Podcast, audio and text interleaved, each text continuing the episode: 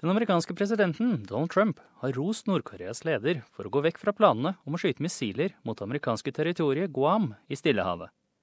Det kommer idet FNs generalsekretær sier at han er tilgjengelig for å hjelpe å megle i forhandlinger med Nord-Korea. Meldingen kom via den amerikanske presidenten Donald Trumps favorittplattform, Twitter, og sa at Kim Jong-un tok en veldig klok og velbegrunnet beslutning. Alternativet, sa han, ville være både katastrofalt og uakseptabelt. President Trump forundret verden i forrige uke ved å advare Nord-Korea om at de kunne vente ild og raseri hvis landet fortsatte å true USA eller dets allierte med sitt ballistiske missilprogram. Kommentarene som kom mens han var på hva han kaller en arbeidsferie i New Jersey, ble av mange tolket som økte utsikter om en atomkonflikt mellom USA og Nord-Korea. I en uttalelse under en tur til Sør-Amerika opprettholder USAs visepresident Mike Pence at alle muligheter fortsatt er på bordet. The era of strategic patience is over. Literally for decades, the world community has practiced a patience with North Korea in the hopes that they would someday abandon their nuclear and ballistic missile ambitions.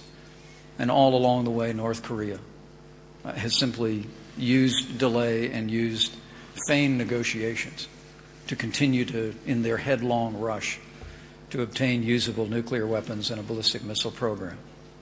And the president's made it clear that those, those days are over. Men han hintet om litt optimisme. Uh, we believe that the ongoing economic and diplomatic pressure is being brought to bear uh, by our allies in the region, by allies here in Latin America, uh, and renewed pressure by China itself uh, is resulting in what we believe uh, represent uh, glimmers of hope that we can achieve by peaceable means that which nations around the world have sought on the Korean Peninsula now for decades. I mellomtiden sier den russiske utenriksministeren Sergej Lavrov, også på besøk i Sør-Amerika, at mulighetene for økonomiske sanksjoner mot Nord-Korea har blitt oppbrukt. Regarding the means of influence on Pyongyang in order to make them fulfill the UN Security Council resolutions, we are absolutely certain that possibilities for economic pressure have been exhausted. We can't support some of our partners' ideas, which are directed at economic suffocation of North Korea, with all the tragic negative economic consequences for its citizens. FNs generalsekretær Antonio Guterres sier at det er på tide å fokusere på diplomati snarere enn retorikk. It is so important to dial down rhetoric and to dial up diplomacy.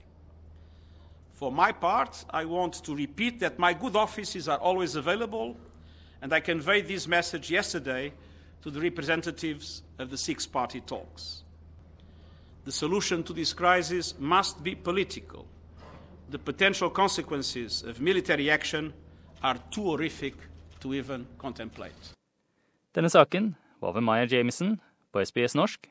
Jeg er Frank Mathisen.